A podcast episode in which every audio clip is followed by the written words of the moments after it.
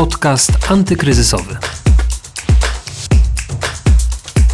Justyna Smolińska, dzień dobry we wtorek. Zapraszam Was na nowy odcinek podcastu antykryzysowego. Dziś będzie o książkach. Będzie o czytelnictwie w Polsce, o tym, co czytamy i ile czytamy.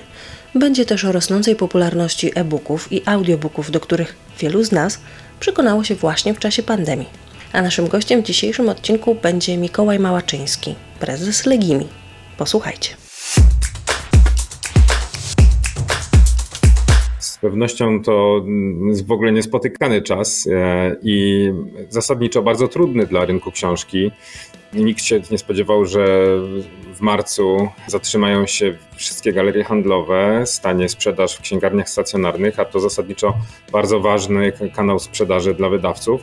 I to no, zupełnie nowa rzeczywistość spowodowała znaczący ubytek nowości na rynku wydawniczym, a jak wiemy, książki właśnie te nowe, te, które, że tak powiem, krzyczą do nas z witryn wystawowych, odpowiadają za większość obrotu w danym czasie właśnie popularnej literatury. No jeżeli ta sprzedaż e, praktycznie została zmarginalizowana czy zredukowana do zera w obiegu e, fizycznym, czyli w księgarniach, no to też wydawcy odroczyli wszystkie swoje premiery, przełożyli je na później, czekając na, na, na opanowanie sytuacji, prognozując e, nakłady zupełnie od nowa.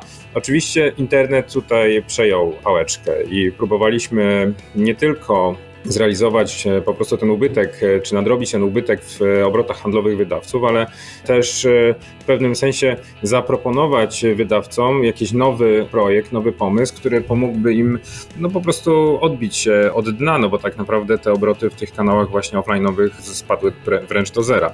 I naszą propozycją były wirtualne targi książki. Zrealizowaliśmy je z dużymi markami takimi jak Allegro i Lubimy Czytać, które no, wspólnie z nami, można powiedzieć, tutaj reprezentują taką mocną e, stronę internetu, e, e-commerce i społeczność, i platforma streamingowa pokazały wydawcom, w jakim kierunku można przekierować ten kryzys, gdzie szukać tutaj szans. No przede wszystkim szukać e, ich poprzez dotarcie do czytelnika przez internet i nie dopuścić do tego, żeby uciekł do innego rodzaju mediów do wideo, do gamingu, do gier komputerowych czy do wszelkiego rodzaju darmowych dóbr cyfrowych proponowaliśmy właśnie czytelnikom e, i darmowe dostępy do naszych usług, i pakiety promocyjne no zdecydowanie mieliśmy naj, że tak powiem, najbardziej intensywny okres sprzedażowy w historii właśnie przez tych kilka miesięcy, co odczuli wydawcy, bo akurat tak funkcjonuje nasz model, że w momencie, kiedy czytelnictwo jest wysokie, to i wydawcy u nas mają dobre przychody,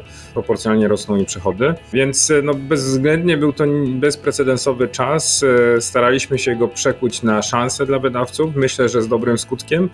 Wielokrotnie tutaj słyszeliśmy w przestrzeni medialnej porównania, że ten okres przyspieszył tak zwaną, brzydkie słowo, adopcję internetu, czy upowszechnienie się właśnie tych technologii cyfrowych o kilka lat. Mm, no, branża konserwatywna, jaką jest rynek książki, z pewnością też potrzebowała takiego impulsu, takiego sprawdzianu, żeby zorientować się, czy można w tej rzeczywistości internetowej rzeczywiście e, dużo dobrego zrobić. I są zwycięzcy, są tacy wydawcy, którzy faktycznie nie tyle nawet nie utracili tego obrotu, co, co wręcz go powiększyli. Więc e, no, pod wieloma aspektami był to nietypowy okres. No właśnie, jak wygląda ten rynek czytelnictwa, ten rynek książki w Polsce? Ile czytają Polacy i jak to się zmienia w ostatnich latach? Faktycznie jest to niezbyt korzystny obraz, jeżeli przyjrzeć się badaniom czytelnictwa, aczkolwiek po pierwsze nie obserwujemy już od lat e, ubytku czytelników, co miało miejsce w poprzednich latach. Trudno powiedzieć na ile była to zmiana cywilizacyjna, na ile jakaś też e, zmiana modelu badań, na ile też rzeczywiście odejście od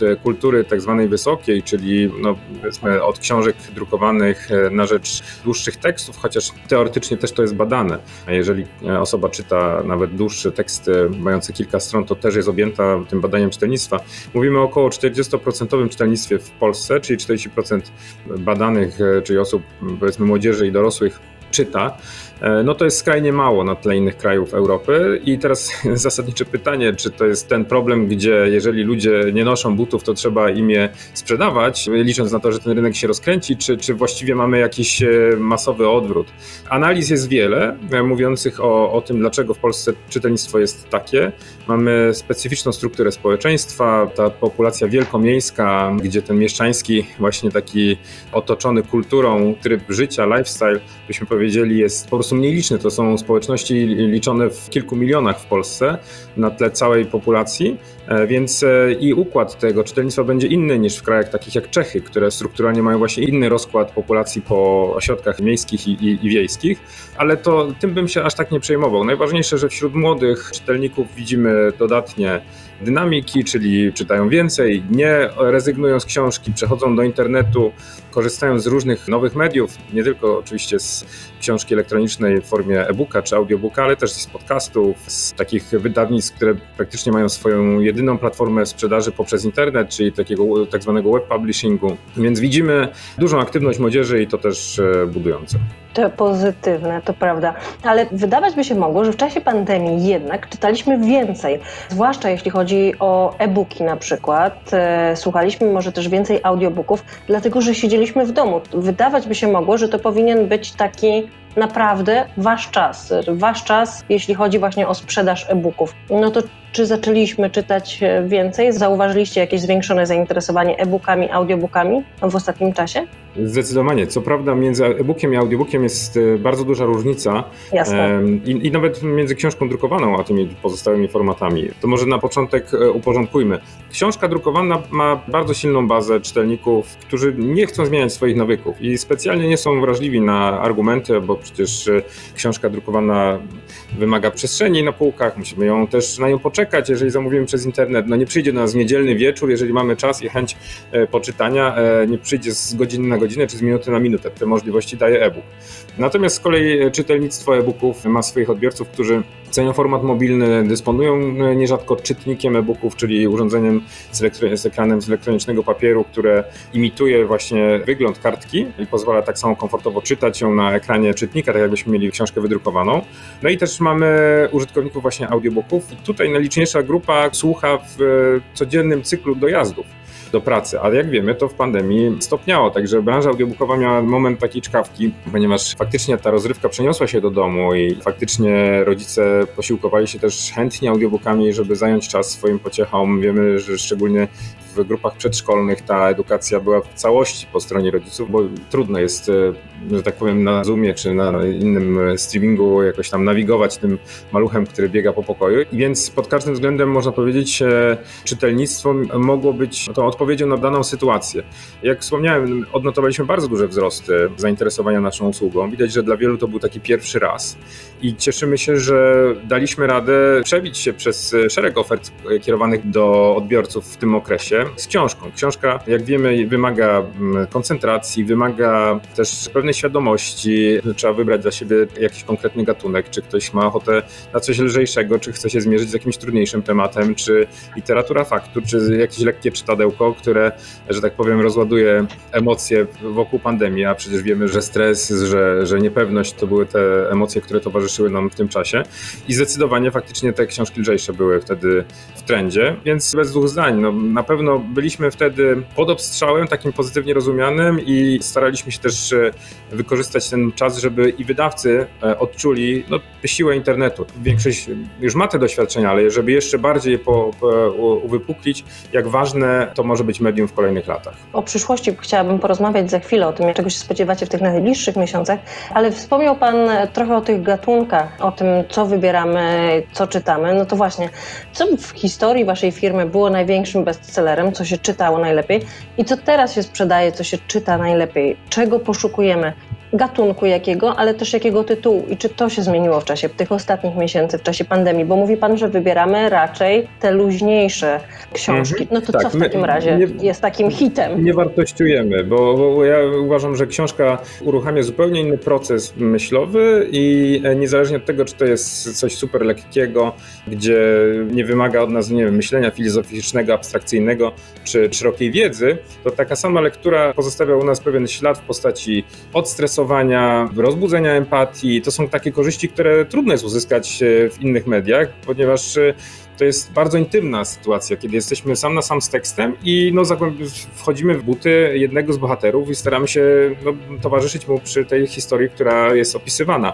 Więc bezwzględnie, czy to będzie coś lekkiego, czy to będzie książka wymagająca no, naprawdę skupienia i przestudiowania kilkakrotnie tej samej strony, to to jest dla nas rzecz e, drugoplanowa, chociaż zdecydowanie format, jakim się posługujemy, czyli książka elektroniczna na urządzeniach mobilnych, sprzyja czytaniu w takich okolicznościach. No to nie jest biurko z zapaloną lampką i, że tak powiem, z notatniczkiem do, do zapisywania najciekawszych myśli, tylko to jest e, często poczekalnia. No akurat w pandemii, no to pewnie najczęściej w domu, ale na co dzień są to, czy to jest poczekalnia, czy właśnie tramwaj, czy metro, czy komunikacja. Czasem to są takie, my to określamy słowem mikroczytanie, takie króciutkie sesje, kilka, kilkanaście minut, gdzie widać, że ktoś no po prostu miał tę chwilę i próbował ją, ją wykorzystać, czy to na ławce, czekając na kogoś, czy w kawiarni. To, to są właśnie tego typu okoliczności. Trudno mówić, żeby w takiej rzeczywistości, w takim otoczeniu czytać coś poważniejszego. Stąd przewagę mają książki właśnie beletrystyczne, kryminały, romanse, fantastyka. Bardzo popularne są te nazwiska, które odpowiadają za właśnie czołówki, że tak powiem, w tych kategoriach. Tutaj może bez promowania konkretnych, żeby bez nazwisk.